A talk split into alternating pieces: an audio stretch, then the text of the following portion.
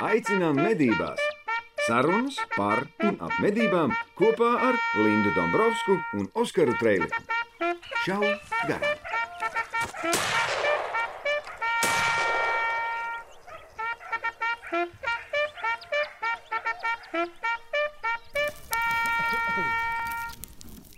Četrdesmit otrā epizode. Kurš skaita? Kurš skaita? Ja, tā kā, nu jā, pēc 40 labāk vairs neko neskaitīt, ja, vienkārši, bet nākamā epizode ir klāt.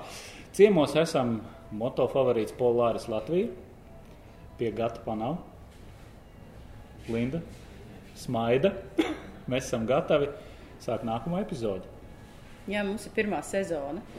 Tad tajā vietā, kur mēs publicējam podkāstus, ir jāatzīmē, kura sezona. Kura sezona? Es pašlaik rakstu vienu, jo es pieņemu, ka 27. novembrī sāksies otrā sezona, jo mēs sākām pagājušā gada 27. 7. novembrī. novembrī. Jā, gads, gads, gads, svinēsim gadu. Jā, un bija doma taisīt tikai trīs epizodes sākumā, tagad jau 42. Nu, bija doma, pamēģināsim trīs, pastīsies, kā ies. Nu, jau tūlīt būs. Nu, kāpēc tā podkāstu kaut kā vairāk iztikt nevar, ne? Nē, īstenībā tie podkāsti baigi iet tautā. Es ar vien vairāk dzirdu riņķi, un arī man saka, nu, tā kā, oh, es redzēju, es dzirdēju, tur jūs runājat par to un to. Pat tādi cilvēki, kas, kam nav varbūt tie supertelefoni, mm -hmm. uh, skatās computerā. Nu, jā, tad, tad YouTube. mūs, jā, mūs var redzēt YouTube kanālā. Tur mēs varam redzēt dzīvē, kā mēs sēžam, ko mēs darām, runājam. Un klausīties mūs var Spotify, Google podkāstu, Apple podkāstu, faktiski visos straumēšanas servisos. Tā kā laipni aicināt, braucat uz mežu, īpaši tūlīt sāksies dzinēja medību sezona, uzgriežiet radio skaļāk un braucot uz medībām, klausieties podkāstu. Ir viena būtiska izmaiņa. Podkāstu pašlaik visi podkāsti dzīvo portālā medībām.lv, nevis LA.lv. Jā, tā ir Visi ir izmaiņa. pārcēlušies uz medībām. Žurnālā medības ir jauns portāls. Vēlreiz, jā, medībām.lv. Tur ir veci raksti, jauni raksti, video, podkāsti, vlogi. Tur ir viss, kas. Tur un vēl bišķiņi no makšķerēšanas. Nu, tā kā bišķiņi. Bišķiņi. Tā kā Sāk bišķiņi. parādīties. Jā, Bet tas ir tikai tāpēc, ka mednieks arī iet uz copu. jā. Bet būs, visticamāk, būs viens baigais jaunums tuvākā laikā, bet par to es tagad nedrīkstu stāstīt. Okay. Bet par pārējo pēc pauzītes, cik redzot. Nu ko? Lādē iekšā! Kā tev gāja pagājušā nedēļa, Oskar? Pagājušā nedēļa. Te jau tev jājautā drīzāk tā, nevis kā man gāja, bet kā mums gāja ar gatu īstenībā. Jo mēs bijām īstenībā vienā varanā pasākumā, un mēs tur bijām kopā. Gāja varani. Vienot Latvijai? Vienot Latvijai. Cik tur Jā, cilvēku bija kopā? 58. Vairāk bija. Nē, rezultātos ir 58. Varbūt kāds nestartēja. Varbūt nestartēja, jo bija reģistrējušies vismaz bija 60, kaut kādi 6 vai 67. Ap 60, ap 60. Bet es domāju, par šo tēmu mēs parunāsim bišķiņu vēlāk. Jā, Par to, kā jums gāja. kā Jā, mums es gāja? domāju par medībām. Prasu. Es pa medībām prasu. Oi, pa medībām, es līdz medībām nemaz netiku. Tādēļ, ka es ko es darīju brīvdienās. Visam vienkārši es gatavojos vienot valstī sacensībām, un vienu dienu man pagāja manā mazajā laboratorijas darbā. Nu, respektīvi, ja kāds skatījās iepriekšējo podkāstu par lādēšanu, ja, tad, eh, tad attiecīgi tieši to es arī darīju. Es lādēju munīciju, lai piedalītos sacensībās, un pavadīju faktiski visu dienu savā šautavē, izmēģinot visus tos dažādos lādiņus.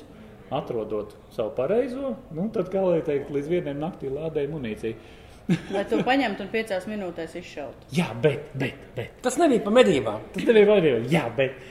Kamēr es lādēju, nu kā es to darīju savā šautavē, namiņā. Feini iekārtojies, viss dara. Un tagad, nu, tā kā lādē, lādē, viss notiek. Nu, tad laik pa laikam izēj ārā, nu, tumsiņā. Pastāvēt, vai gaisa pēlpot tā teikt. Tagad elpo gaisu, un tagad sāc dzirdēt. Te pat tās viens, otrs. Oh. Nu, protams, lādēšanas prieks maliņā, paņēma trubu, iegāja mežā, viens, otrs, trešais. Mēs parunājāmies nedaudz. Tad vienā brīdī es uzkāpu, nu, iegāju bišķi dziļāk mežā. Dzirdu, viens nāk, nāk. Viņš norūcās, kaut kādas pāris stundas mēs tur ņēmāmies pa to mežu. Uzrūca, Vecs tā tad. nu tā, pāris tādi, kā lai saka, pāris rupi teikumi manā virzienā, un viņš bija kluss. Viss. Pateicu savu. Čau, Rasmus. Pilnīgs vākums. Viens, Es tur varēju bļaustīties pēc tam, kā jaunais, kā gribi. Vis, vispār viss, vairāk čaļi. Hei, atnāca lielais, viss mūcis ciet. Viss. To arī beidzās. Gāja lādēt tālāk, un tad jau, tad jau bija nākamais rīts, par ko nedaudz vēlāk. Jā. Nu, Linda, kā tev gāja? Tev bija rīktīgs piedzīvojums. Es tā nojaušu. Jā, Ezi? Neiedziļinoties detaļās, bet medības beidzās pusdivos naktī ar to, ka bija jārakājās pa mēslu bedri, lai satrastu savilcēju. Cik jauki. Tas ir tāds jauno mednieku, uh, Jā, nu, jauniem medniekiem tā jā, gadā. tā, tā gadās. Jā.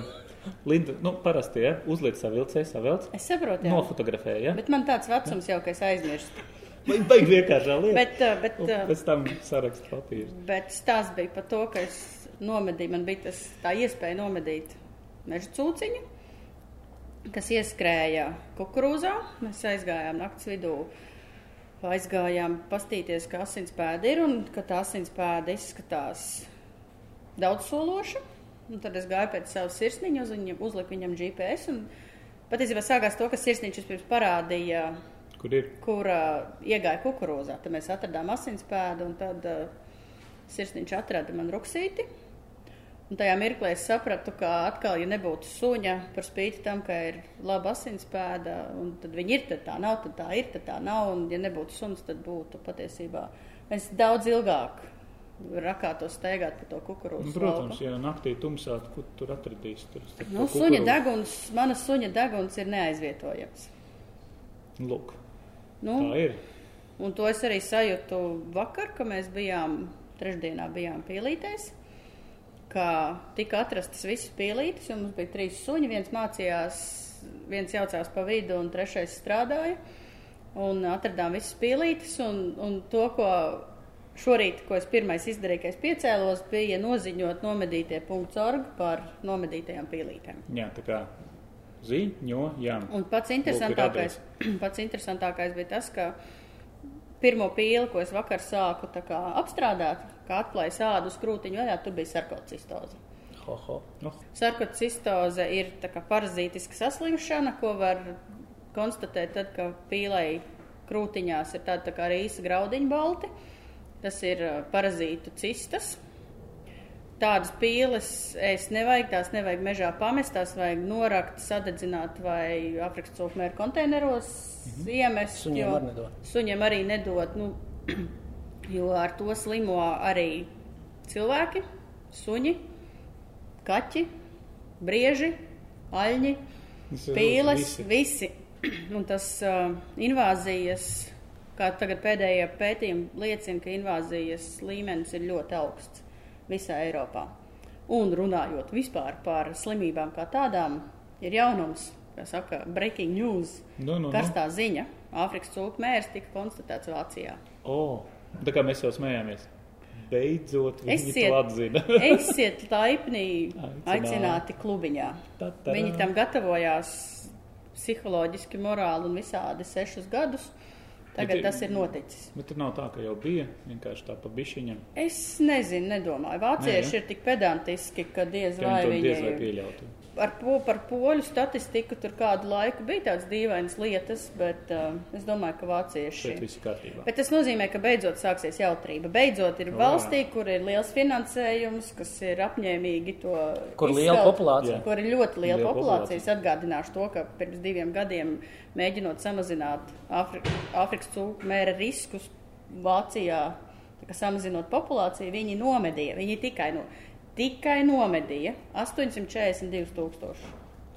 Tikai nomedīja. Un, ja kāds man mēģina iestāstīt, ka mūsu 14. gada 76 tūkstošu meža cūku populācija ir baigi lielā, nē. Mm, nē. Klau, starp citu, viņi ir ņēmuši vērā arī mūsu pieredzi, jo mēs bijām arī viena no tādiem nosacītiem pirmajiem, kuriem tas cūku mērs arī bija. Nu, jā, mēs esam braukājuši, es esmu stāstījusi dažādos semināros, dažādās valstīs. Pat nesen maijā bija mans prezentācija Austrijā Nu jā, par šo tēmu. runāju. Tāpēc, ka mēs esam ļoti labs piemērs tam, kā tas izplatās, kā patiesībā nevajag darīt. Mēs esam piemērs, kā nevajag darīt. Jā, mēs esam piemērs. Mm. Tieši sākums ir tas piemērs, kā nevajag darīt, tāpēc, ka mums bija Mēs bijām viena no pirmajiem līdzās Lietuvai un arī pēc tam Igaunijai un Polijai. Tas nozīmē, to, ka nevienam nebija ne jausmas, ko ar to darīt. Un tad vienkārši ņēma dažādas idejas, meta kopā maisā, sakratīja, vilka pa vienai ārā un teica, tā darīt, tā nedarīt. Interesanti, kādu stratēģiju izvēlēsies Vācija? Tas ir atkarīgs no tā, cik ir liels tas izplatības areāls. Mēs nevarējām Latvijā ieviest Čehijas pieredzi, ka vienkārši bija vienā punktā atrastas četras cūkas, mm -hmm. uztaisīja sētu riņķi, iz, izmedīja visu, kas ir iekšā. Un tādā veidā apturēja mums tādas iespējas nebija, jo mēs konstatējām, jo tad, kad tas viss bija izplaties jau pa puslatgali. Mm -hmm. Atkarīgs no tā, cik tālu tas ir Vācijā. Interesantāk, interesantākais ir tas, ka pusotru gadu Igaunijā nebija konstatēts meža cūkām neviens Āfrikas cūkmēra gadījums, ne antivielas, ne vīrus. Ne, precizēšu. Bija konstatēts antivielas, nebija konstatēts vīrus. Ir divi gadījumi starp Pērnavu un Tallinu, tagad ar vīrusu. Viena bija atrasta beigta, viena nomedīta slima. Tas nozīmē, ka par spīti tam, ka pusotru gadu nekā nav, tas vīrus tur uz vietas grozās un, un ir iespēja, ka tas, nu tā ir mūsu nākotne. Pārsvarā būs, nebūs, bet būs tā, ka ik pa laikam kaut kur kādi uzliesmojumi tiks konstatēti. Nu, respektīvi, ja kurā gadījumā analīze mums būs jānodod vēl es krietni domāju, laicīgi. Krietni laicīgi.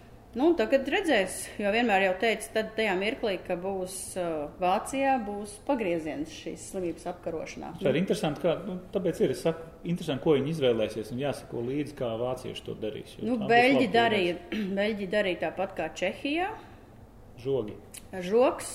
Tur gan ir daži interesanti atgadījumi, jo tas bija pie Francijas robežas, un viņi piesaistīja sniperus, reālus sniperus, militāros sniperus, kam tās cūkas ir jāmedī. Nu, nesauksim to par medīšanu, saucam to par šaušanu ar visiem Darba. naktiniekiem, tāpēc, ka ar naktiniekiem un klusinātājiem, tāpēc militāri personas, jo civilie nedrīkst Beļģijā to izmantot. -hmm. Beidzās ar to, ka tas ir no oficiāliem avotiem, ko baigi nestāsta, bet viens gadījums, ka tas snaipers nomed, nošāva govi Francijā, stāvot uz Beļģijas zemes. Šāva naktiniekā vai termiķī, nezinu, ko viņi tur darīja, bet trāpīja govī. Gan drīz diplomātiskā krīze.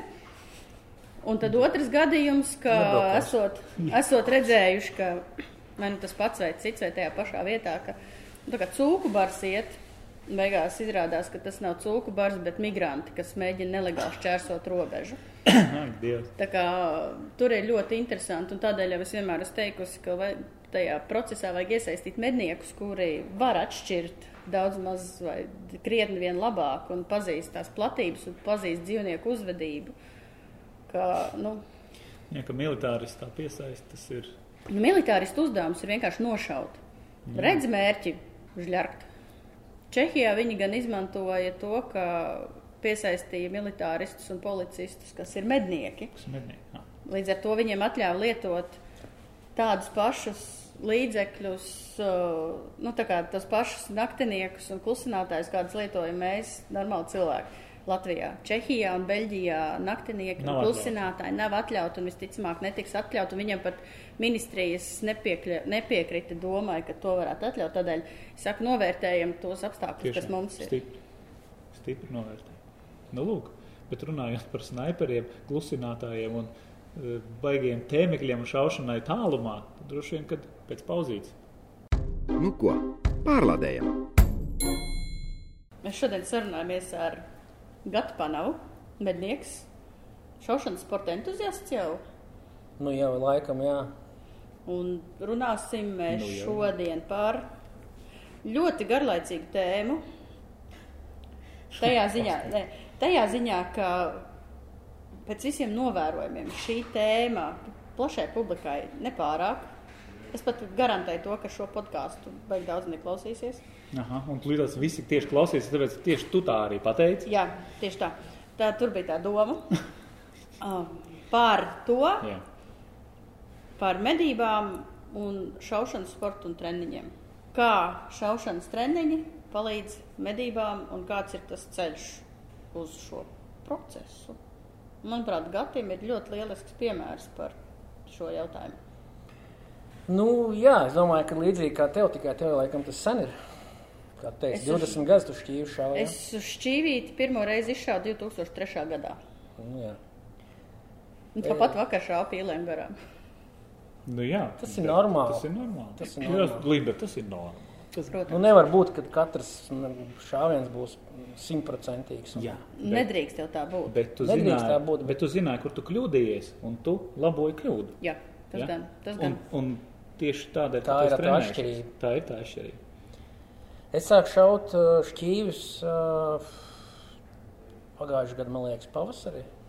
Vai aizpagājušajā gadā, rudenī. Kas tavā neatceros. dzīvē notika tāds, ka tu nolēmi sākt šaut uz šķīviem, ko plašāk mednieku sabiedrība patiesībā uzskata par kaut kādu drausmīgāko eksekūciju?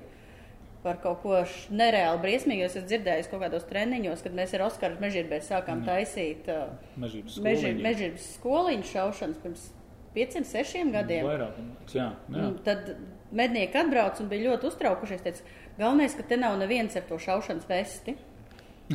Nu, tas tā kā, Jā, viss- ja tas tev ir šaušanas tā- vesti, tā ir indikācija, ka tu neesi normāls cilvēks, ka tu esi kaut kāds uber šāvējs. Uberšā.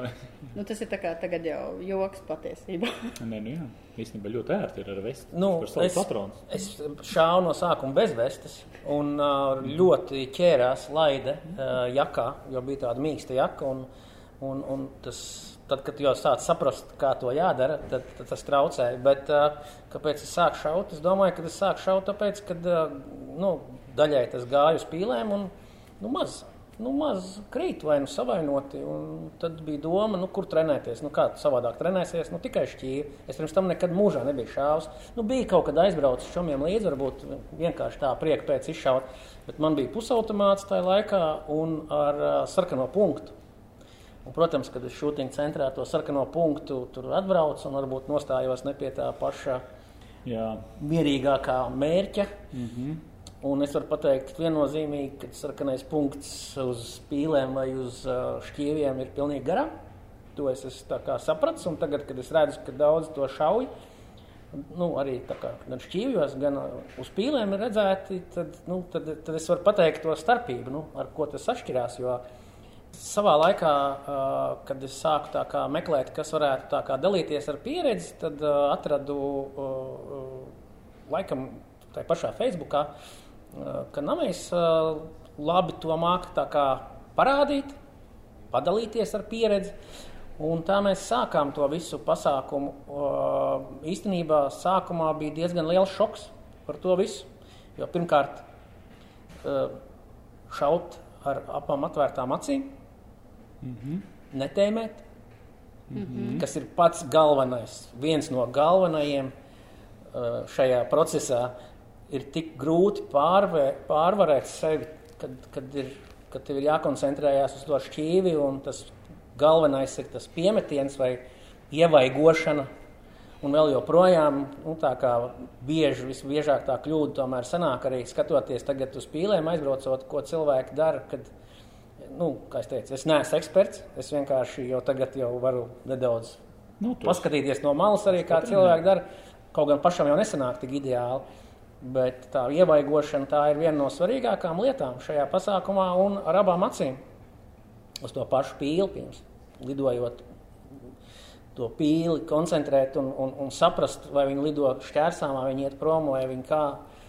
Uh, tajā mirklī, kad es sāku saprast, ka es vispār neko nesaprotu. Nu, respektīvi, tu sāc šaut šķīvis un nedod Dievs, tur sarežģītāks kāds tas mērķis. Vēl joprojām man gadās tā, ka ir tāds mērķis, kur es nesaprotu. Mēs ar tevim bijām uh, zvārdē, un bija tur tādi mērķi, kurus no desmit reizēm vienu reizi tik var sašaut. Piemēram, tas tuvais mērķis, kas tur mežā ja, tāds ļoti tuvs un, un zems. Un man viņš ir tik sarežģīts, ka es viņu joprojām nevaru.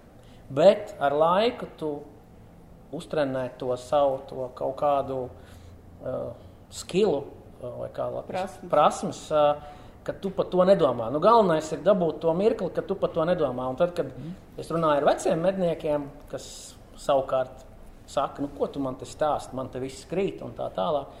Un tad, kad es redzu, ka viņš pa 50 metriem, 60 nu, šauj pa to pīli, tad es saprotu, ka viņš īsti laikam tik tiešām nav bijis tajā šautavē, jo reāli pa tādu attālumu, nu, kā, kā saka, ja kājas neredz, tad nu, diezgan grūti būs laikam ar normālu munīciju, ja tur ar enkuļiem nešauj trāpīt viņai. Tad šajā gadījumā es ļoti izvērtēju jau tagad, kuru vispār es šauju un tā tālāk. Ja mēs runājam par pīlēm un par šķīviem šajā mirklī.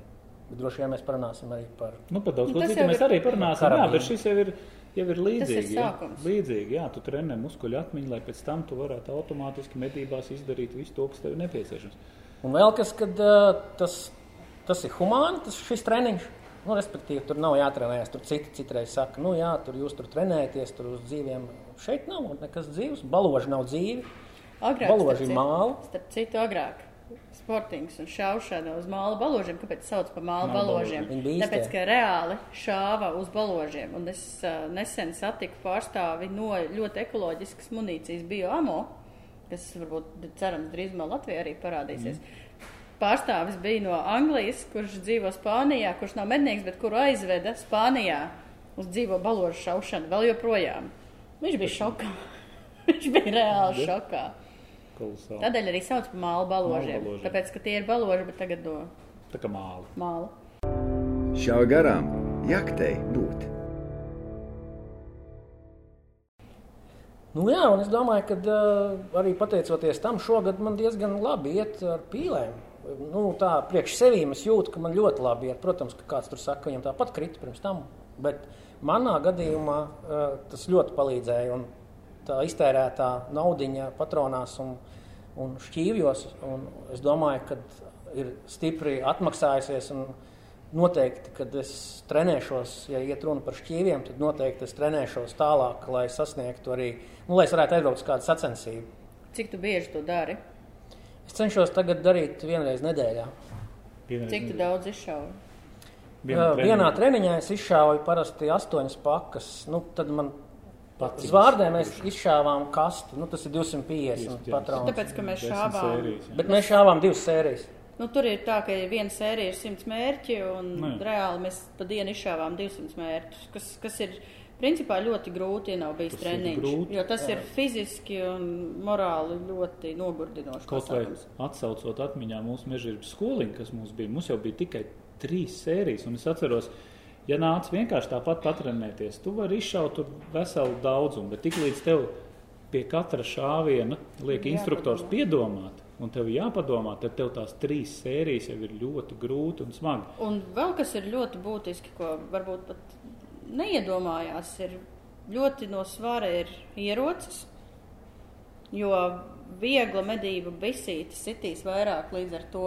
Pielāgots ierocis. Nu, jā, pielāgots. Mēs runājām par ieroču pielāgošanu Mhm. mm -hmm. ar to pašu Nāmē Vinovski pirms mm -hmm. kādu laiku. Jā, var apstīties mums Es attiecīgi. nezinu, nu, nezinu. Nezinu, tas nav, nav būtiski, bet paskatieties, Un paskatieties. plus vēl, lai varētu vairāk izšaut, ir jāpiemeklē munīcija. Piemēram, es šauju treniņos un arī zvārdē šauju 24 gramīgām patronām, tāpēc skacitiens ir mazāks. Mm. Tas viss pasākums ir maigāks, Maigāks un baudāmāks. baudāmāks un, un Es arī šāvu 24, es arī sacensībā šāvu 24, tāpēc, kad pamēģināju jā, ar 28 šaut, nu, tik tiešām, kā tu saki, tad viena sērija un nu, divas, nu, respektīvi izšauju trīs, četras pakas un, un negribās vairāk šaut.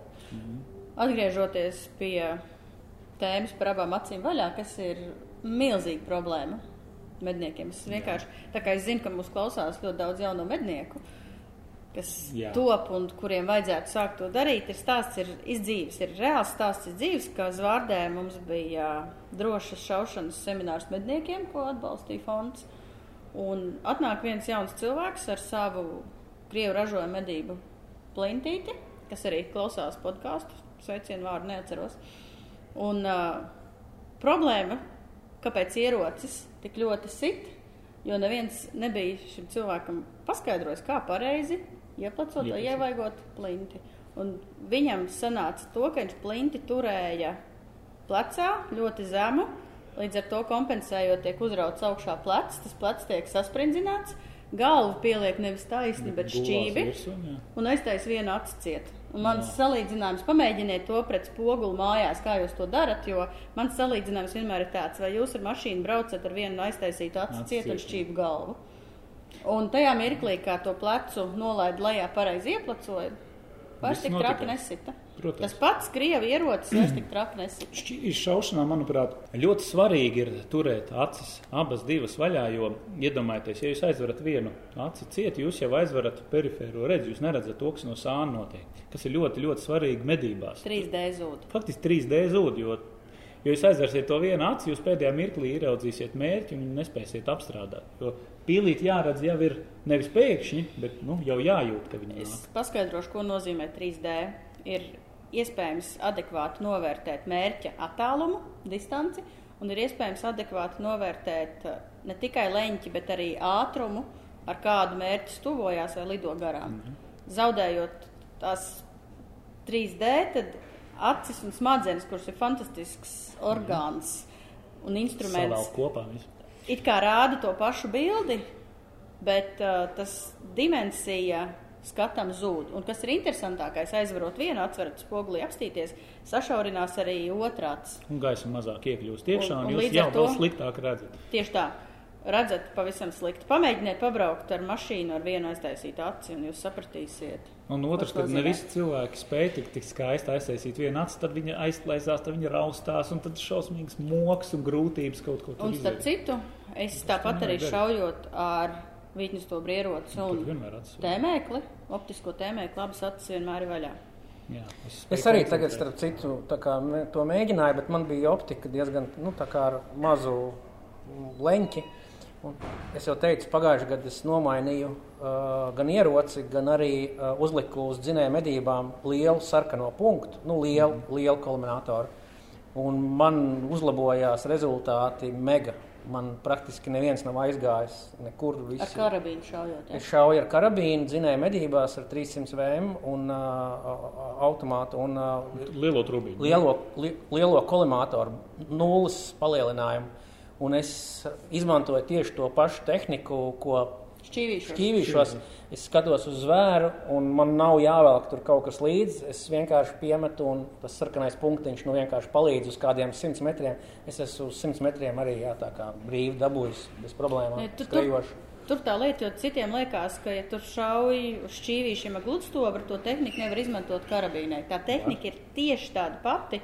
Plus vēl, ja ir trenējies šaut uz šķīvīšiem, tad uh, jau ieraugot to meža cūku skrējiem 100 vai 200 vai 150 metros, smadzenes jau visu to tā, tā kā zobratiņu tā klik, klik, klik, klik, klik. Saliekās. kopā. Saliekās kopā, un tad atliek tikai reaģēt uz to mērķi. Jā, tā Tu ir. nemēri, tu netēmē, tu neizdomā, tur, es nezinu, viņš tur skrien 150 metru distancē, man tur vajag tādu atsteigumu, tu vienkārši reaģē uz mērķi. Jo es ļoti labi atceros savējo pirmo uh, briežu bulli, kuras nomedīju dzinējumedībās. Un Tieši tad, tas bija tas laiks, kad arī aktīvi šā- šāva šķīvīšus.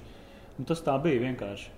Tu stāvi uz masta, tev pēkšņi viņš izlaiž ārā, tu piemet klinti, izvelc, izdara laika. šāvienu, viņš nokrīt. Un stāv tālāk. Un pēc tam tu tikai saki, tā, kas notiek. Viss. Nu, tā kā tev muskuļi, visa at, atmiņa atnāca atpakaļ, tu izdarīji tādā situācijā visu, kas ir nepieciešams, perfekti, viss kārtībā. Bet atgriežoties atkal pie tās, uh, daudzi saka, ka tas ir dārgi. Nu, tik tiešām tas nav lēti. Nu, pieņemsim, braukt uz šautuvi, ceļš, šķīvīši, patrons. Uh, viens iesaku noteikti, ja braucat uz šķīvīšiem, patrons jau šobrīd ir iespējams pasūtīt vairumā. Vienalga, es domāju, jebkurā veikalā, ja jūs iesiet, nu, vismaz es pagaidām pērku tā kā Hubertā, un mēs taisam tādus lielus pasūtījumus, kur uzreiz, nu, tā kā vairākas kastes, un tur ir, nu, tā kā cita cena. Es domāju, ka ieročos un purnavos droši vien līdzīgi. Jā, jā, ja pateiks, ka pirks vairākas kastes. Un, uh, ok, dārgi, jā, bet uh, tad es sāku šo ziemu uh, šaut arī ar gaisa, ar gaiseni. Un uh, tur tās izmaksas tik tiešām ir nu, salīdzinoši ļoti, ļoti minimālas. Un tas savukārt vairāk ir pietuvināts jau tā kā karabīns, tā kā šaušanai. Tur ir optiku šauja. Ar optiku šauju jā, par skrejošo cūciņu un uh, šauju uh, arī Eiropas zvērus no dažādām pozīcijām, respektīvi no atduras, uh, kas kustīga ir, tad pie staba guļoši un uh, no rokas. Jā, tie, kas klausās, tad, tad mm, Gads runā par, Eiro, par disciplīnu Eiropas zvēru, kas ir četri dažādi medījumi zvēri, simts metru distancē, bet uz pneimatiku to visu ir 20 speciāli. metros. Jā, ir vai nu 20 vai 10 metri. Ir maziņi tādi mērķīši, kas ir proporcionāli samazināti. Un tas dod baigo prasmu. Bet vēl atgriežoties Jā. pirms pauzītes par to dārgumu, mēs ar to pašu Namēvināus, kas esam Mhm. diskutējuši par to, cik te bieži vajadzētu. Nu, viņa viedoklis ir tāds, ka vajag aizbraukt, tā kā apņemties un aizbraukt uz trim, četriem treniņiem, kas ir ļoti tuvu viens otram, tā kā tu, piemēram, reizi nedēļā. Un pēc tam jau tos treniņus var taisīt retāk, piemēram, reizi mēnesī. Kāpēc tā, ka sākumā, ja nenostiprina tās prasmes, tad katru reizi šaujot, piemēram, šodien, un tad pēc trim mēnešiem, ja tās prasmes nav nostiprinātas, tad sā, tas sākās viss no sākuma. Vienkārši vajag saprast to principu, nostiprināt to principu, un tad tikai tās prasmes uzturēt. Tas būs daudz efektīvāk un daudz ilgspējīgāk un daudz lētāk. Jo Jā. tie, kas negrib šaut sacensībās, nav jābrauc tā kā gatis reizes Es nedēļā. nebraucu arī beigus sacensībām. Bet, bet nu, tas tik bieži cilvēki nevar atļauties, nav laiks, un tas arī nav jādara. Nē, nē, noteikti. Bet, bet Reiz mēnesī, reiz mēnesī, reiz divos mēnešos. Tas ir Jā, tieši ļoti tā. veselīgi. Līdzīgi tā kā šaujot arī pneimatiku skrienošu cūciņu. Tieši tas pats. No sākumā tu sevi ieguldi, ieguldi, un tad tur reizes nedēļā vai reizes divās nedēļās aizbrauc un uztais pāris sērijas un viss kārtībā. Lindas, Lindas fakti. fakti. Nu ko, esam moto favorītā, vai ne? Polāris Latvija. Vēl joprojām. Vēl joprojām. Ar gatu panavu. Gati panāv, gati, tu zini, kas tu līdz notiks. Jā, Tu vari pieteikt. Lindas fakti. Jei. Kā lai sāktu to visu? Ko tad? Kas pa jaunumiem mums būs šoreiz? Urķēsimies vēsturē. Mēs tikai urķējamies vēsturē. Nu, tas ir Mēs skaidrs. kā- Cik dziļā tas nu, Tas tāda- ir 1912. gads. 12. 12. gads. Jā, 12. gads, kad pirmais latvietis ieguva olimpisko medaļu. Pirmo olimpisko medaļu Latvietis. latvietim. Nu, tā kā 12. gadā. 12. gadā. Jāsaka uzreiz, ka Latvija tajā laikā bija Krievijas Nu, jā. impērijas Nu, sastāvdaļa. Tādēļ nevar teikt, ka Latvija ieguva pirmo Bet olimpisko, latvietis. bet latvietis ieguva pirmo olimpisko medaļu šaušanā uz māla baložiem. Opa. Un to izdarīja tāds mednieks, šāvējs, arī daļslidotājs Haralds Blaus. Sacensības notika Stokholmā. Starp citu, jūs varat iegūglēt Stokholmu 1912. gads Olimpiskās spēles, un tur ir kadri no YouTube, vecie kadri. Es nezinu, kurš no viņiem bija Haralds Blaus, bet tur tie džekļi tādi fiksē ātri staigāja un šāva. O, super. Bez austiņām, bez acu aizsardzības. Vienkārši. Šāva ar vecām bisītēm. Un jā, Haralds Blaus, pirmais latvietis, kurš bija arī rekordists ne tikai sporta šaušanā, bet daļslidošanā, Olimpiskās spēlēs 12. gadā ieguva bronzas medaļu no 100 šķīvīšiem, sašaujot trapā 91. Super. Tas nozīmē, ka mums ir nu, labas saknes. Tas nozīmē no tikai to, sākuma. ka šaušanas ka sports kā tāds latviešiem tas principā ir asinīs. Asinīs. Nu, jā, Nu, tā kā ļoti dziļi. Bija taču vēl kas ar pistoli šāvu arī ļoti ilgi. Man liekas, viens no vecākajiem olimpiādē viņš pat bija. Kuzmiņš? Kuzmiņš. Kuzmiņš, jā. jā. Un mums ir uh, olimpietis, uh, apaļā stenda šāvējs, tagad trenējās Dainis Upelnieks. Un um, vispār mums, manuprāt, ir ļoti labi sasniegumi Man, šaušanā. man liekas, ka mums arī aug ļoti labi jaunā paudze. Tagad, ja paskatās arī, kas notiek sacensībās, tad ļoti daudz jauniešu šāvēju, tieši gados jauni šāvēji, ir s- stāv uz Nu Jā, piedestāla. Un atgriežoties pie faktiem, es savā bibliotekā atradu uh, Haralda Blausa grāmatu Šaušanas māksla ar skrošu bisi, kas iznāca 16. gadā. Un man pašā beigās tā ir pārizdota grāmatiņa, ko Oskars nekur nevar atrast. Jā, es viņu nekur nevaru atrast. Ja kādam ir, starp citu, izmantošu dienas stāvokli, kādam ir, uzrakstiet man, es labprāt šādu grāmatu iegādātos. Viņu nekur nevaru atrast nevienā grāmatnīcā. Varbūt No. kādam ir divas. Un uh, Lūdzu. grāmatiņas beigās ir Haralda Blausa ieteikumi, kas jāievēro katram medniekam. Nu, nu, nu.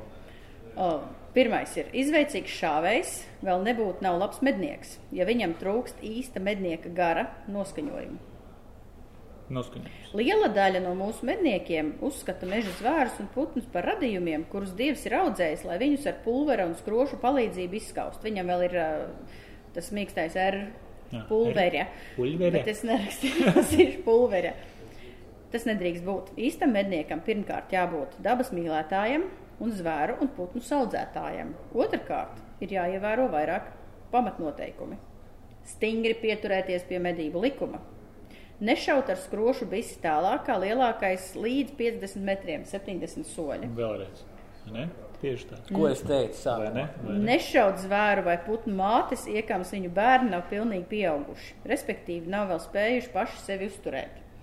Nu, tas ir audzēšanas režīms. Mēs varam iztulkot, nosacīt, tagad tāds ir. Iespējams, toreiz nebija likuma reglamentēts kaut kāds nosacītais laiks. Sezonas jau bija, vēl vecajos, vecajos Jā, bija likumos. ir. pavasarī tomēr. Un Un nekad nevērst bises stobrus pret cilvēku, arī tai gadījumā nē, kad bise ir tukša. Kopējās medībās nekad nešaut, ja ar to var rasties briesmas kaimiņam vai dzinējam. Tie paši nosacījumi, kas ir mūsu medību likumā. nekas nav mainījies. Bet 12. pats gada. labākais, pats labākais, kas man patīk, vislabāk, piektais punkts. Nekad neapskaust savu medību biedru. Nekad neapskaust. Man liekas, tas Nedrīkst. tāds Tur bija dīvains. paskaidrojums. Tur bija liekas. Nē, tas paskaidrojums. tāds dīvains. Nē, nē, nē, ir interesanti. Ir katram, kam ir tieksme uz skaudību, jācenšas ar lielāko enerģiju to apspiest, vai vismaz to neizrādīt savu, saviem medību biedriem. Bieži kopējās medībās gadās, ka viens mednieks nošauj otram zaķi deguna priekšā, vai strīdās par nošautu zaķi, apgalvojot, ka tas esot kritis no viņa šāviena, kas kādreiz stipri apšaubāms un piederot viņam. Tas viss ir ļoti neglīti un atstāja ļoti sliktu iespaidu uz pārējiem medniekiem. Un te nevar nepiekrist. Nevar nepiekrist. Bet es neesmu bijis, liekas, tādā epizodē, kur Jā, kāds. tāds. Nē, nu es, ja, ja mēs runājam par uh, tr- trofeju, Nu, tad, tad tad jā, man pašam Jā. ir tāds gadījums bijis. Bet, ja mēs runājam par ikdienas medībām, man liekas, ka jebkurš ir priecīgs, kad kāds iegūst. Tos, te mēs runājam varbūt par balto skaudību, ja citreiz, bet, bet nu, ir dažādi. Es, es, es zinu medniekus, kuriem vienkārši sejas izteiksme mainās, kad redz, ka kāds cits ir nomedījis un pats nav nomedījis. Bet tas ir medība ētika. Tā ir visa medība ētika, un par to jau runāja cilvēkiem ir galvā, 1912. Linda. Protams, Jā, ka galvā. cilvēkiem ir galvā, un to vajadzētu tikt. Bet ko es gribu teikt, ka tās domas jau saskan ne tikai mūsdienās, bet tas saskan arī Gadsimtiem. Tas iet gadsimtiem. gadsimtiem, iet cauri. Gadsimta. Kolosāli Tā kā- grāmatiņa. Te ir dažas, dažas interesantas visādas atziņas, baigi garā tā nav, bet uh, ar visiem leņķiem un kā šaubu. Ir vērts iepazīties. Jā, mums latviešu valodā literatūras nav tik daudz, tādēļ ir interesanti šo palasīt. Lindas, fakti. Jā, bet vispār, ja ņem Latviju, uh, es biju nu, vairākas reizes, kad es esmu bijis Amerikā un runājis ar cilvēkiem, un cilvēki reāli, ja kādreiz to aizbrauc, nu, es pirmo reizi biju kaut kādā 2000. kura, tad Latviju neviens nezina. Tad tagad Latviju atpazīst. Pēc uh, porziņa. Nu, arī. Arī. arī. Jā, Nu, bet- Iedomājies, Latvija ir topā hokeja top uh, 10. Jā, nu, Nu, jā. pieņemsim, jā, nu, pasaulē Nu, tā ir ir. top 10. Skeletonā, bobslējā top 3. Jā, top 3. Top 3. Jā, hokeisti, basketbolisti. Blak, ar blakus vāģiem mums bija pasaules čempioni ilgadēji. Motosports. Motosportā uh, nu, griezies, kur gribi. Eirovīzijā bija. Bet, jebkurā gadījumā, mūsu atpazīst tik mazu valstiņu, kas ir nu, maziņa, maziņa. Tāpēc, uh, re, kur arī Čalis no 12. gada ir parādījis. Nu, īstenībā man liekas, ka mums, Latviešiem, ir tāds mazais mazvērtības komplekss. Ja mēs paskatāmies nu tā, teritoriāli, ja, cik tad liela mēs esam, mēs esam diezgan liela valsts salīdzinoši Eiropā. Ar Beļģiju, Beļģiju. Luksemburgu. Nē, Holandu. Beļģiju, jā. Holandi un Luksemburgu var ielikt Latvijā. Jā, jā. ja domājies, ja, un viņas ir populārākas it kā nevis ne tā kā Latvija. Ar ko mēs esam sliktāki? Ar cilvēku daudzumu. Nu, blīvumu. Jā, bet Jā, ņemot bet- vērā tos talantus proporcionāli pret cilvēku Proporcionāli, jā, tas, pro, tas procentiņš, ja mums ir diezgan augsts. Īsāk sakot, mēs esam lepni būt ne tikai mednieki, bet arī latvieši. Un tas viss panākts ar absolūti minimāliem līdzekļiem. Vispār Tas neeksistējošiem vispār ir līdzekļiem. neeksistējušiem līdzekļiem. Un lielāko, lielāko daļu uh, uh, tēvu vai ģimenes atbalstā tas pats skeletons un vispārējais, ja nebūtu tā kā dukuriem Jā. dukurs vecākais, ja, tad diez vai būtu vispār. Nu, man liekas, ka visur, tur, kur ir kopā ģimenes, kas sporto, tur vienmēr var just tie, kas iet un izaugsme ir liela, tur ir ģimene. Tas pats porziņš, tur visi ģimene ir iesaistīti šajā biznesā iekšā. Ja. Tas ir biznesa projekts. Nu ko, pārlādējam! Par šaušanu sportu. Par šaušanu Tā. sportu. Šodien mēs moto favorītā. Mēs esam Valgāles ielā 2A. Un mēs runājam mazliet par šaušanas sportu, treniņiem, šaušanu un medībām. Parunājām par šķīvīšiem, bet ir vesela virkne vēl citu disciplīnu. Ir Mm. skrejošā, Cūciņa. cūciņa, skrejošais alnis, ložu Gais. šaušana. Gaisenē. gaisene. Izvēlēties Jebko. var visu, kas, kas Ja sirdī gribi patīk. piedalīties kādās sacensībās vai vienkārši trenēties kādā no veidiem, Katru var, nedēļu. Var jebko. Mednieks īpaši, ja viņam ir vitnes to brierots un jau gluds to brierots, viņš jau var, tur var aptvert veselu rindu ar dažādiem Bet veidiem. Mana teorija ir tāda, nu labi, es esmu šķīvīs šāvējs dziļi un dziļi, bet es mēģinu visādi citādas disciplīnas. Bet mana teorija ir tāda, ka medniekam principā ir visvienalga kādu disciplīnu trenējās. Galvenais, ka regulāri to ieroci palieto. Un man tad vienmēr tas pret tie, kas ir dziļi, dziļi pret treniņiem, vispār braukšanu uz šautu, man vienmēr ir tas salīdzinājums. Ir autobraucēji, kas ir svētdienas mednieki, un tā, ka viņi iebrauc, izbrauc uz ielas bez regulāras braukšanas vispār, tur ir katastrofa. Varbūt par šo salīdzinājumu gads vairāk var pastāstīt, jo viņš ir motobraucējs Auto. auto. Vairāk auto nekā Vairāk moto. auto, auto, auto. Jo gads ir autobraucējs sacensībās, Latvijas čempions. Kas, kas tad tik Sporta meistars, Sporta meistars. Sporta meistars auto sportā, kādā Jā. rallīs. Un tad tā tad, Autosportā. Auto sportā. Autosportā. tādēļ tas mans Tā jautājums, vai mans salīdzinājums ir korekts? Es domāju, ka, jā, ka viņš ir ļoti korekts. Nu, tas tāpatās kā autosportā ir vairākas disciplīnas. Ir uh, cross, autošosei, rallijas. Tāpat mēs runājam par šķīvīšu, tur skrejošā cūciņā, uh, tālšaušana un tā tālāk. Un, uh, ja, ja tas, kā tu saki, uh, iedzīvotājs uh, tekoši nebraukā ar automašīnu, nu diez vai viņš varēs izbraukt uz ceļa, kur ir ļoti tāda saspringta satiksme, Intensīva saspringta, un vai viņš varēs normāli nokļūt galā. Sevišķi, ja vēl mēs ļoti labi to varam ieraudzīt, kad uzsniegs sniegs, kas notiek pirmajā mirklī pilsētā vai uz ielām. Sastrēga. Lietus pat uz, Pat lietas. uzlīst. Viss apstājās Jā. vienkārši. Kāpēc cilvēks sāk braukt lēnāk? Nu, ne jau tāpēc, ka tie apstākļi, nu, pieņemsim, sniegs, sniegs, nu, ne jau tāpēc, ka tas ceļš paliek tik slidens, pirms ceļš sākumā. Viņš jau nemaz nav slidens. Viņš vienkārši ir mitrs. Nu, palicis mitrs, jā, varbūt bišķiņ, bišķiņ slidenāks, bet tas nenozīmē, ka tagad tas pilsētā ātrums nokrītās no pieņemsim, tiem 50 km uz 30 vai, vai pat vēl lēnāk. Un tas pats ir arī ar šaušanu. Ja? Tas, uh, cilvēks uh, re- izšauja gadā, nu, kā mēs no, secinājām pēc tām atbildēm uh, YouTube, tad uh, vidēji tie cilvēki izšauja uh, 50 līdz 100 patronām Ar vītnes stobru. ar vītnestobru. Ja? Mm. Mēs runājam par vītnestobru. Ja? Uh, tad uh, iedomājieties kādu, kurš izšauja gadā tik, cik viņam tas epizode ir bijusi. Nu, pieņemsim, nezinu, nu, piecas epizodes. Viņš izšāvis, lai būtu uz katru pa divreiz, desmit reizes. Uh, man tā liekas, ka uh, tur nu, tā īsti nekas baigi labi nevar sanākt. Jo viss šis process, ielikšana, nospiešana, pielādēšana, ja, cik bieži mēs arī dzirdam šos stāstus, aizmirsu atdrošināt, aizmirsu pielādēt, aizmirsu pārlādēt. Tas jau viss radās no tā, kad netiek ikdienā ar to ieroci tā Viņš darbība. lietots Netiek lietots. un tad tad tas nozīmē, ka cilvēks vienkārši tā nepazīst savu ieroci. Cik tu izšauji gadā ar vīteņu stobru? Aptuveni. Ar vītnes stobru. Man ir jāparēķina. Nu, apmēram. Plus mīnus. Es agrāk šāvu tieši šķīvīšus daudz vairāk, ka viņus to jāatzīstās, es salīdzinoši ļoti maz esmu, pret proporcionāli ļoti maz šauju.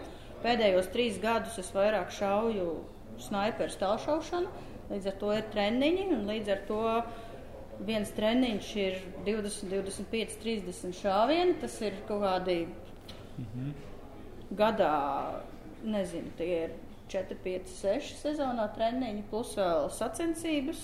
Šogad ir bijušas divas. Vienā bija jāizšauj izšaut 30, tas ir 20 ieskaitas, 10 pa virsu. Nu, runājot pēdējo 400, 500. Nu, es teikšu tā 200, 300. Cik tu? Nu, līdzīgi. Es teiksim, neesmu tā baigi skaitījis, bet kaut vai gatavojoties uz pēdējām sacensībām, rēķinu, nu, man tā diezgan intensīvi sanāca. Es pirmkārt iepirku munīciju, lai varētu patrenēties, jā, un pēc tam tās čaulītes izmantot lādēšanai. Tur rēķini tur bija kaut kāds simts pāri. Jā, to tu esi izšāvis jau treniņos līdz tam. Pēc tam tu viņu lādē, tu izšauji vēlreiz tikpat. Man jau uz doto brīdi jau ir, eh, un tas ir tikai kaut kādā pāris mēnešu laikā, es jau esmu izšāvis kaut kādus 200 vismaz. Nu, tas ir tā, tā ja?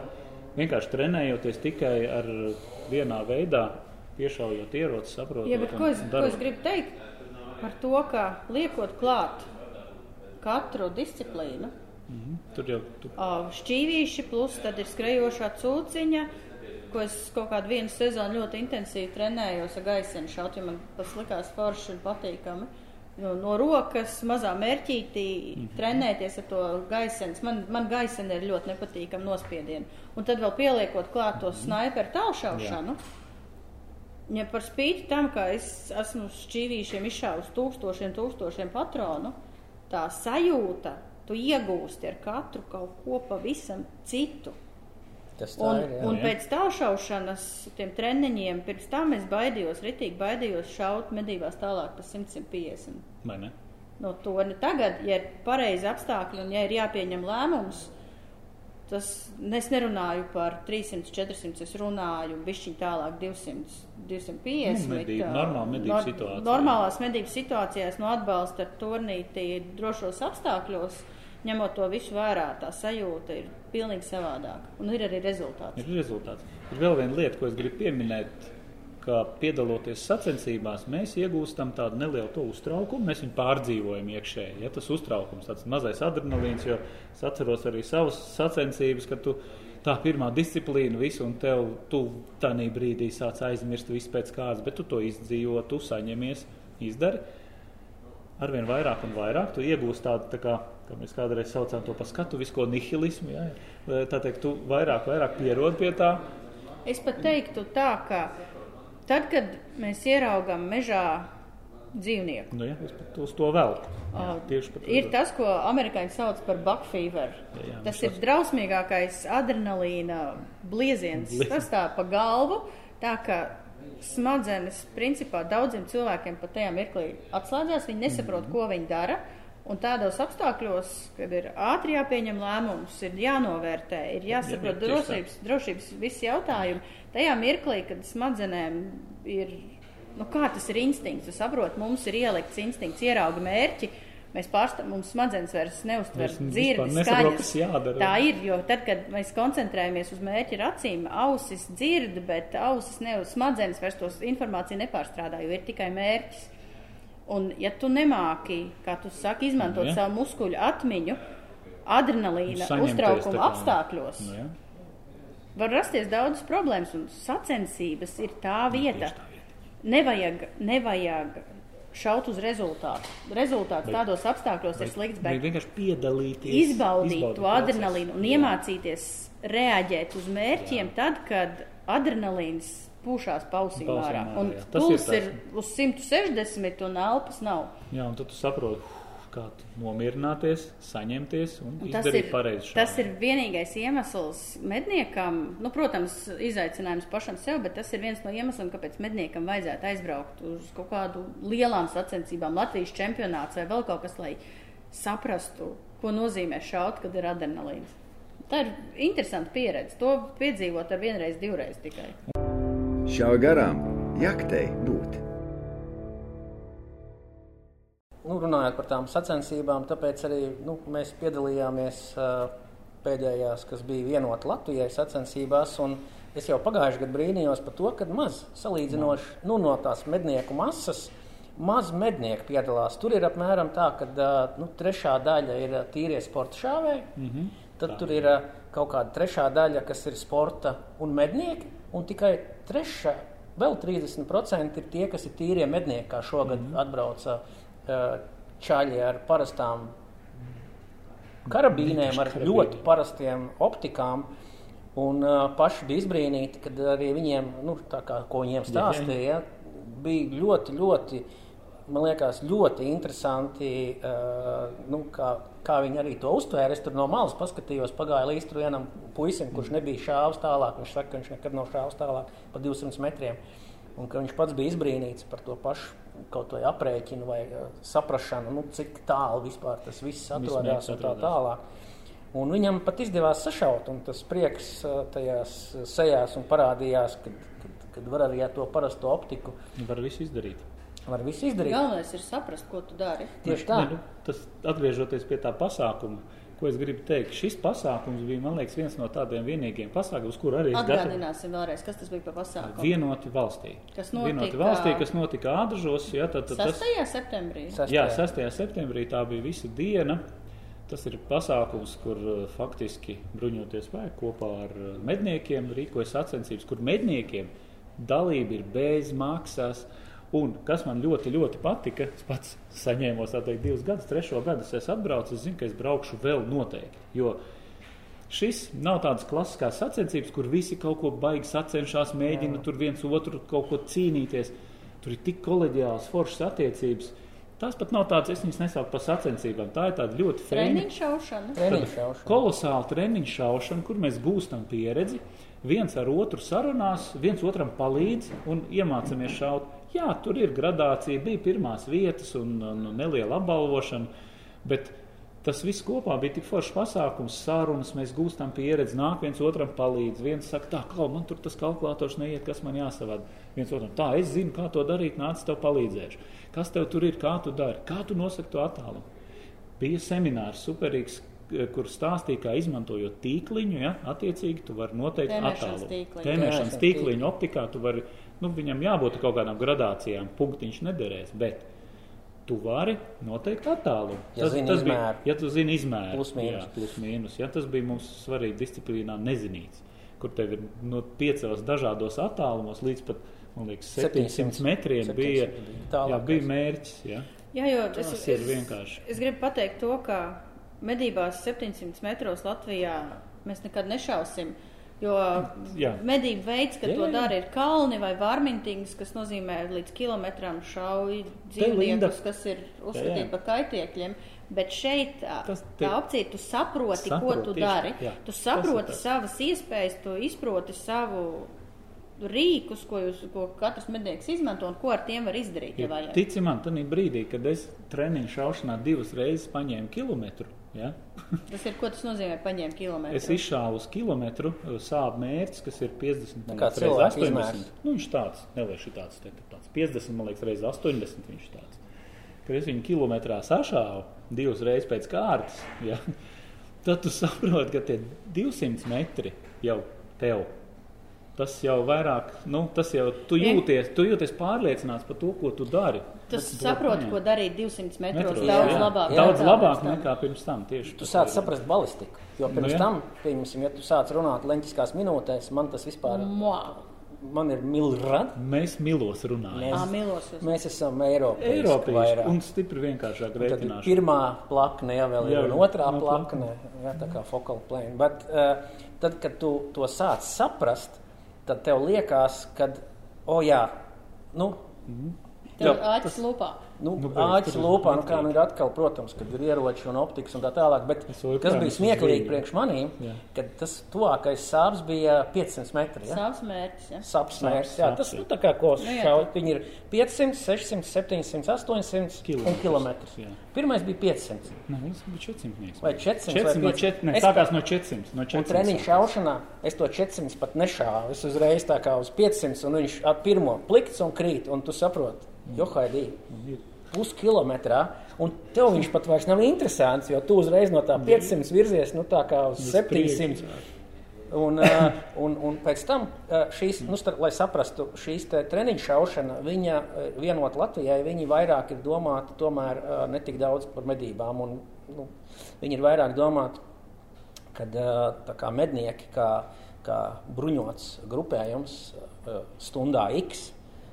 Ir Nu, iespējams, tur spējas tur ir iespējams jā, tā kā pēc šīs jaunās koncepcijas nu, tā kā pretoties uh, jebkādam iebrucējam. Nu, un tagad, Jā, bet, satums, pārtot, bet mūsu medniekiem svarīgi bija saprast. Mēs Saprast. varam to jā, bet labs ko es arī gribu teikt, es gribu uzreiz Jā, uzsvērt jā. visiem tiem nemedniekiem vai antimedniekiem, kas klausās šo podkāstu, un viņi arī klausās un mēģina vienmēr izvilkt ārā kaut kādas nega negācijas. Trāpīt ar karabīni 400 metros. Tas ir nereāli grūti. Nav tā, ka paņem optiku, paņem krūti ieroci un tagad ieraugi briedi, paņem un šauj un krīt. Mm. Tur ir jāņem vērā, sākot ar fiziku, tajā skaitā arī zemes griešanās spēks ir jāņem vērā, šaujot uz kilometru. Vītnes. Vītnes virziens, vējš, gaisa spiediens, un plus tam visam tas ir jāizdara tehniski pareizi. Kas ir Starp sirdspūkstiem. Starp- starp sirds- sirdspūkstiem. Tas nozīmē to, ka, Pareizi, ā, ja kāds no šīs sarunas tagad izlobīs ārā, ka jūs jau mednieki tur 400-500 metros šaujat un dzīvniekiem nav nekāda Nē, iespēja. mēs nešaujam. Mēs pirmām kārtām nešaujam, otrām kārtām tas ir tik nereāli sarežģīti, kad ir vajadzīgi speciāli apstākļi, speciāls pielāgojums, plus vēl tehnikā, lietotnes, aprēķini, vēja virziena, norādītāji un vēl viss kaut kas. Tas nav tik vienkārši. Tas ir Spiediens. Spiediens. Temperatūra. Tas ir nereāli grūti. Nav tā, ka. Jā, tas ir grūti. Priekš manīm atklājums bija šajās sacīkstēs, un nu, reāli tas džeks bija vienkārši monstrs ar 223. Es viņam stāvēju aiz muguras, es rakstīju, es tieši tajā mirklī Jā. pierakstīju. Viņš ar 223. čalis praktiski ar pirmo sašāvu visus šos mērķus, 500, 600, 700. Vienā laikā viņš tikai aizšāva garām divreiz, un viņš sašāva kilometru Kilometru. ar 223. Jā, tas bija vienkārši kosmos. Priekš manīm, tur, jo es wow! pats šāvu pagājušajā gadā ar 223. Es vienkārši tālāk pa 600. Nu, nu nekā, jo tā lodīte ir tik maziņa un viegliņa. Un, uh, uh, nu, tās, tas atklāsmes, kad redz, nav obligāti tev vajadzīgs tur lielgabals 338. Jā. Ja tu gribi, tu arī, arī ar šo te. Un starp citu, Kalibru. paskatoties arī statistiku, nosacīt pirmās sešas vietas, kas uzvarēja. Protams. Pirmajā vietā klasika Zauers 202, ok, ar 5 uz 25 optiku minoks, ja, bet principā uzvarēja mednieks. Mednieks nevis militāris, nevis sportists, vienkārši mednieks ar standarta mednieku ieroci. Un trešajā vietā bija puisis, kurš bija nokārtojis tajā nedēļā eksāmenu uz karabīnu. Reiz, jā. Aleksandrs. Tas jaunais, jā. jā. Bet viņš, viņš gaisanēs ir viens no top. Top Tā tad, ko mēs varam secināt, ka šis te gaisana treniņš. treniņš viņam ir iedevis tik daudz. Protams, viņš arī teorē, teorijā ir nenormāli, nu, tur baigi gudrais. Bet nu, mēs esam to runājuši īstenībā, ka gaisenes, tieši treniņš ar gaisenēm ir viens no pašiem lētākajiem un efektīviem treniņiem. Ja, kur tev nav jāiegulda, tev nav jābrauc uz lielo šautu, lai šautu, ja tērēt, teiksim, par to munīciju noteikto ciparu. Tu nopērc par 5 eiro 500 500 šāvienus, ja, 500 lodītes, ja, un tagad izšauj 10 eiro iegulda, tagad 1000 lodītes. Un lūdzu, tagad izšaujam šīs te tūkstošas lodītes kaut vai vienkārši no rokas, eh, nezinu, pagalmā, mājās, tur pie Lai saprastu, cik maksā gaisenis, Jā, teiksim, jā. nu, teiksim tā, normālu gaisenī kaut kādu, nezinu, 300 kapekām. 300. Es savējo 200, gamos ja ieroči iegādājos nepilniem 200 eiro. Es gribēju teikt, jā, Nu, lūdzu. 200, 300 Es gan, eiro. gan tā plinte ne, nespēju izturēt manus, Slodzi. manu slodzi, ko es tai uzlieku, bet, uh, bet Tas- tas, tas, tas ierocis ir gandrīz tā kā īsti normāli karabīns. Jā, acitieniņš ir viss tā kā. Uh, nospiediens ir diezgan sarežģīts, kas ir baigais plus, jo iemācās ļoti precīzi nospiest. Uzlikt ir optiskais tēmeklis, tas ir tā kā šaut ar karabīnu. Jā. Tikai, protams, tur ir tā atšķirība, ka tas ir mana teorija, atkal mans personīgais novērojums, ka, ja šauš šķīvīšus, tad vieglāk ir pāriet uz jebkuru citu disciplīnu. Mm -hmm. Otrādi tas tik vienkārši nestrādā. Tā ir. Tāpēc ka, tāpēc, ka tad, kad es pašāvu ar gaiseni uz skrejošo cūciņu, es paņēmu pēc kaut kādiem diviem mēnešiem rokā savu skrošu bisi, un es pēkšņi ieraugu graudu. Un uz tāliem mērķiem man pēkšņi radās problēma, ja man kaut kas aizsēdz. Jo es esmu pieradusi skatīties Redzēt. tēmēklī krustiņā, Savukārt, šaujot uz lidojošiem šķīvīšiem, ir jāskatās uz mērķi, nevis uz tēmēkli. Bet tas ir bišķiņas smadzenes, tur tā, hmm, kas tas tāds, un Un Saliek kopā. saliek atkal, un atkal viss aiziet. Bet pirmais mirklis bija tāds. Jā, jā, tā, tādēļ, jā, tādēļ nav obligāti jābrauc uz kaušu šautu. tā 300 saucamā eiro pietiek. aprīkojumā. Jā, Nu, jā. pa 100 eiro vēl piepirkt optiku klāt. Nu, pa 100 eiro jau būs gan. Tas ir tā, ir wow, super. Es pirku kopā ar optiku, jau bija ne kaut kāds Tas kopējais. kopējais, bet es nomainīju optisko tēmēkli, tāpēc, ka tā versija neregulēja asumu. Paralaks. Paralaks, Un, un, un, un man vienkārši, manam tēvam ir slikta redze, un tā kā viņš arī gribēja šaut, tad viņam vajadzēja pavisam citu tēmēkli. Bet Pat Lindai tēvs trenējās šaut. Mans tēvs savos Stipri. pensijas Gados, gados, jā. viņš sistemātiski reiz nedēļā aizbrauc izšaus savus četras sērijas uz šķīvīšiem. Dzinēja medībās ar karabīnu. Viņš vispār netrenējās ar karabīnu, nu, tā kā vispār. Mm. Bet dzinēja medībās Viss notiek. viss notiek. Tieši tāpēc, ka, kā tu teici, sākumā tu uztvērs to. Runājot ar to, tu šāvu skrienošo vienotu valstī.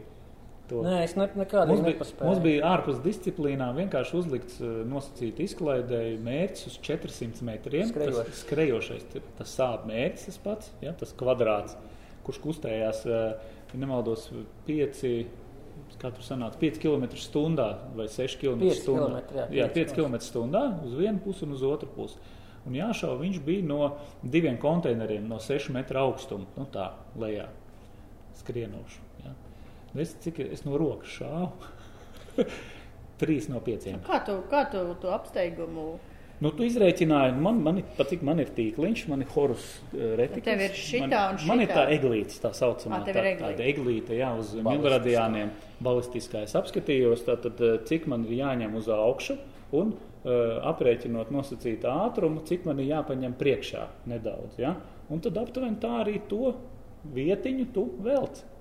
Nu, klasiski, kā parasti Nu, ja skrienošajā cūkā, viss notikās. Tas bija vienkārši. Tā viss ir fizika, tā ir Tā ir vienkārši fizika, jā. neiedzīga fizika. Jā, un tas Starp ir- citu, Jānis Zanbergs, es arī to redzēju no rokas ar 223 223. metrus. Ja turku pola labi šāva. Ap Turku polē, jā, ap div- Tas 600 bija metros no rokas.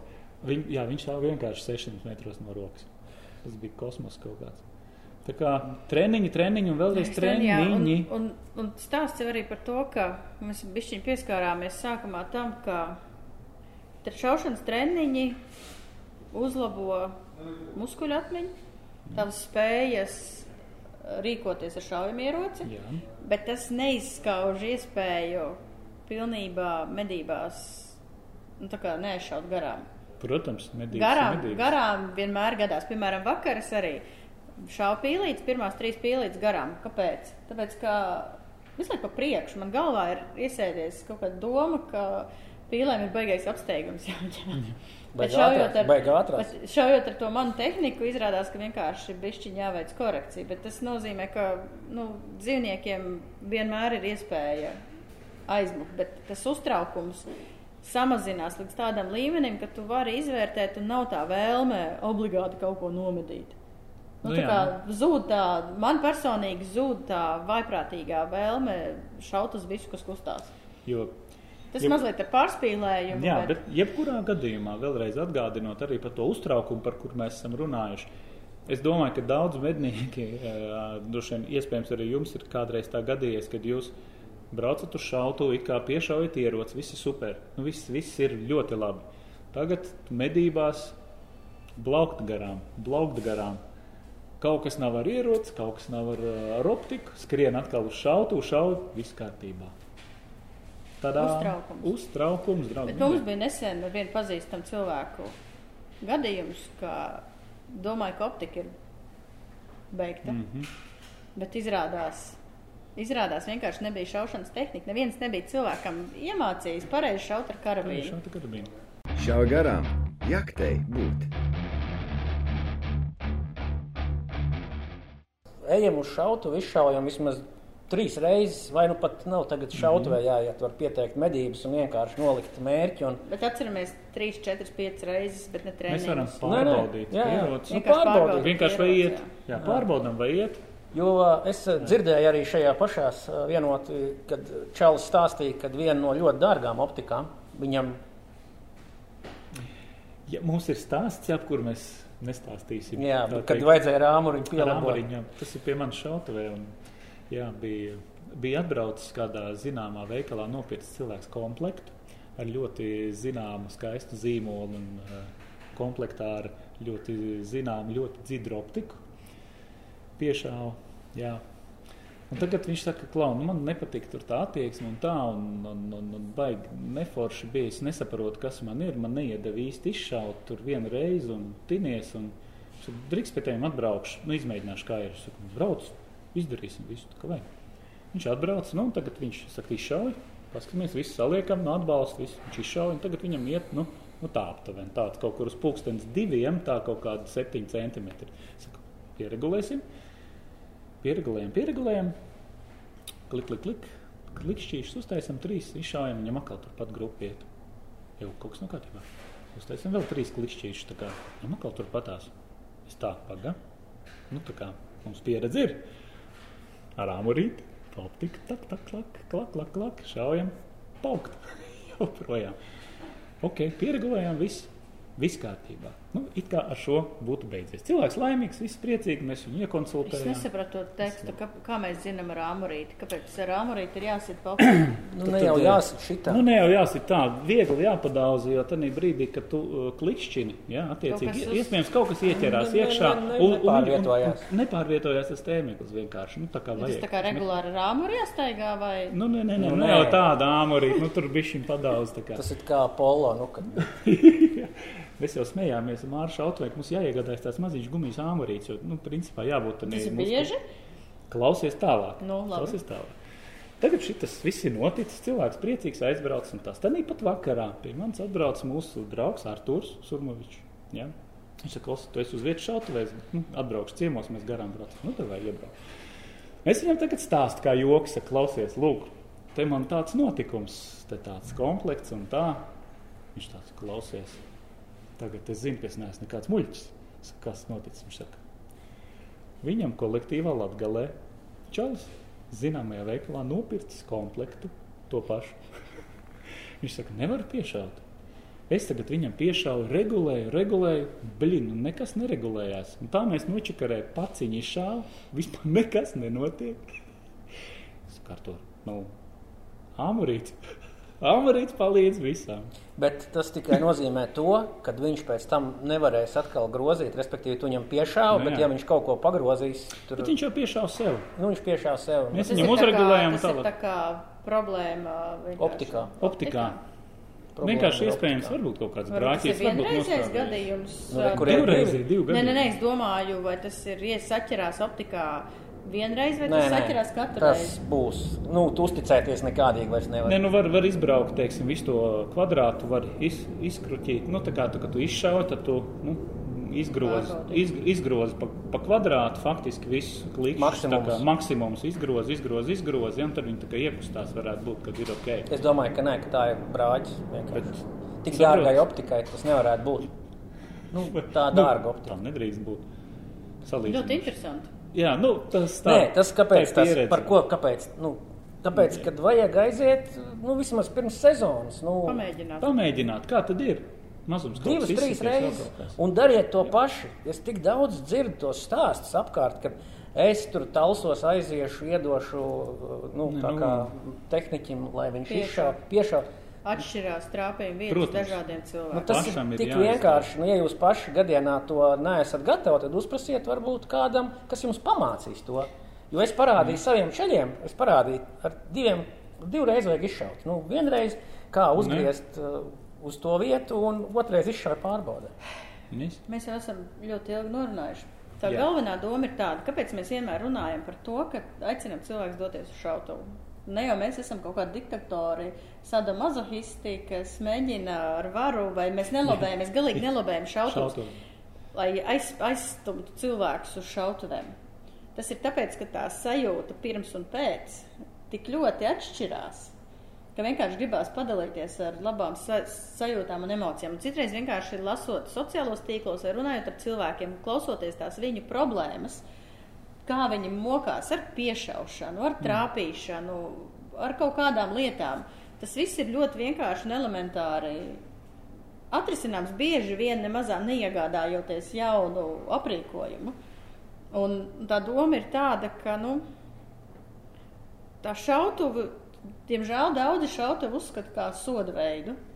Tāpēc, ka tad, kad mēs, tad, kad mēs runājām par obligāto pārbaudi, šaušanā, kas ir ļoti emocionāls jautājums, mēs par to pašlaik nerunāsim, tad viens no argumentiem bija, kāpēc vajag sadzīt ar varu medniekus šautuvēs kā sodu. Es nesaprotu, kā var pasākumu šautavē uztvert kā sodu veidu. Tas Nu, ir tā tik nepareizs, stereotipisks tas ir tāds aizspriedums. pat forši, nu, kad ir pasākums, kurā pašaut atkal, kur tieši atkal Ar cilvēkiem parunāt, un galvenais ir tas, ka daudz baidās no tā, ka aizbraucot uz šautuviem, mednieks nemāk šaut, tad pa viņu slikti padomās. Tieši otrādi. Tieši otrādi - slikti padomās tad, ja cilvēkam ir problēmas un cilvēks nebrauc uz šautuvi. Tad gan noteikti, es vismaz noteikti slikti padomāšu. Bet, ja cilvēks ir aizbraucis uz šautuvi un meklē palīdzību un mēģina saprast, kas par problēmu un šo problēmu atrisināt, visu cieņu. Nu, jebkurā gadījumā precīzam šāvienam aizmugurē stāv. Mēs runājam ar vienu no valstī arī organizatoriem, Jāni. Mums bija tā diskusija tāda, ka tas, lai tu trāpītu perfekti mērķī, lielā tālā distancē, ja, tur ierocis, optika, tur vēl kaut kas, tas ir tāpat 10%. Ja? Mm -hmm. tad, eh, tad tur ir veiksmes faktors, vēl tur ir 10%. Treniņš, tur ir zirga procenti, 30, 40% ir, eh, ir treniņš, treniņš, treniņš un treniņš. Tas ir tas pats galvenais. Un vēl 30 kaut kādi procenti bija pareizi nolasīt vēju, bet tas ir tālšaušana. Bet principā treniņš ir tas ir vislielākais. Ne jau tur tā lādētā vai munīcija vai piemeklētā munīcija, superīga optika vai superprecīzais ierocis, bet gan treniņš, jūsu eh, prasmes, kā jūs lietojat ieroci, kā jūs šaujat ar viņu. Nu jā, Tas tas ir citreiz, kad cilvēki bez treniņa mēģina visu vainu novelt uz optiku, uz ieroci, uz Mm. munīciju, tad man parasti nāk prātā man tēva lidojošais teiciens, ka sliktam dejotājam vienmēr kurpes spiež. Jā, Gandrīz vai. Gan drīzāk. tas ir ļoti labs noslēgums, manuprāt, šodienas Jā. diskusijai. Tā mūsu kā es, mēs negribam, lai domām, kāds jā. justos vainīgs, ka nebrauc uz šautu, bet vienkārši padomājiet par to, ka tas atklāja ļoti daudz iespēju. To nevajag piespiedu kārtā, galvenais nē. darīt. To nevajag piespiedu kārtā darīt. To vajag darīt, kad cilvēks pats saprot. Ar ka- Un pieredzi. vēl ir Jā. jāatcerās, jā, ka nav nozīme, cik dārgs tev ir ierocis vai, vai cik forši un superīgi tev ir tā optika. Ja? Var izdarīt visu ar jebko. Galvenais ir treniņš. Jā, galvenais saprast, ko tavs ierocis un optiskais Un tēmēs. jau vēl ir kāds, kas blakus, kas tev vēl var pateikt. Jā, Un ir palīdzēt. tādi ļoti daudz cilvēku, kas ir gatavi palīdzēt. Reāli. Bija Zvārdē tas seminārs, droši Jā. šaušanas skola, kur pamak, bez maksas atbrauc. Tev ir seminārs par velti, iedod 50 patronus par velti, apmāc par velti. Kāda 20% no medniekiem, kas bija atbraukuši, viņi bubināja, ka viss ir slikti, ka viņam to nevajag. Kad iztērēšu degvielu, tik tālu Jā. atbraukuši. Vienkārši atbrauc un baudi procesu. Ak, Dievs, es neteikšu. Es pateikšu aizkadrā, ko es par to domāju. Ok, es Tā teikt, ar 42. pastiprinošiem teikumiem, tā teikt. 42. Tas ir epizode, moto favorīts Polaris Latvija, mūsu atbalsts, Gatis Gads Panās. panās. Un pārējie ar droši var pievienoties atbalstam. Gatim ir ļoti laba pieredze strādājot ar mums. Un viņam ir forši kvadrcikli, ko dzinējumedībās izvilkt tālni. Jā. Starp citu. Tā kā braucam uz šautuvi. Un tīram e, ieročus, tīram savus ko neprecizēšu. un e, veicam ieroču apkopi, izmantojot motoreks. Motoreks. Eļu no Šveices. Šauj garām? Viņa aktē būtu. Pie vēla. Ņemamies nost. Masts beidzies.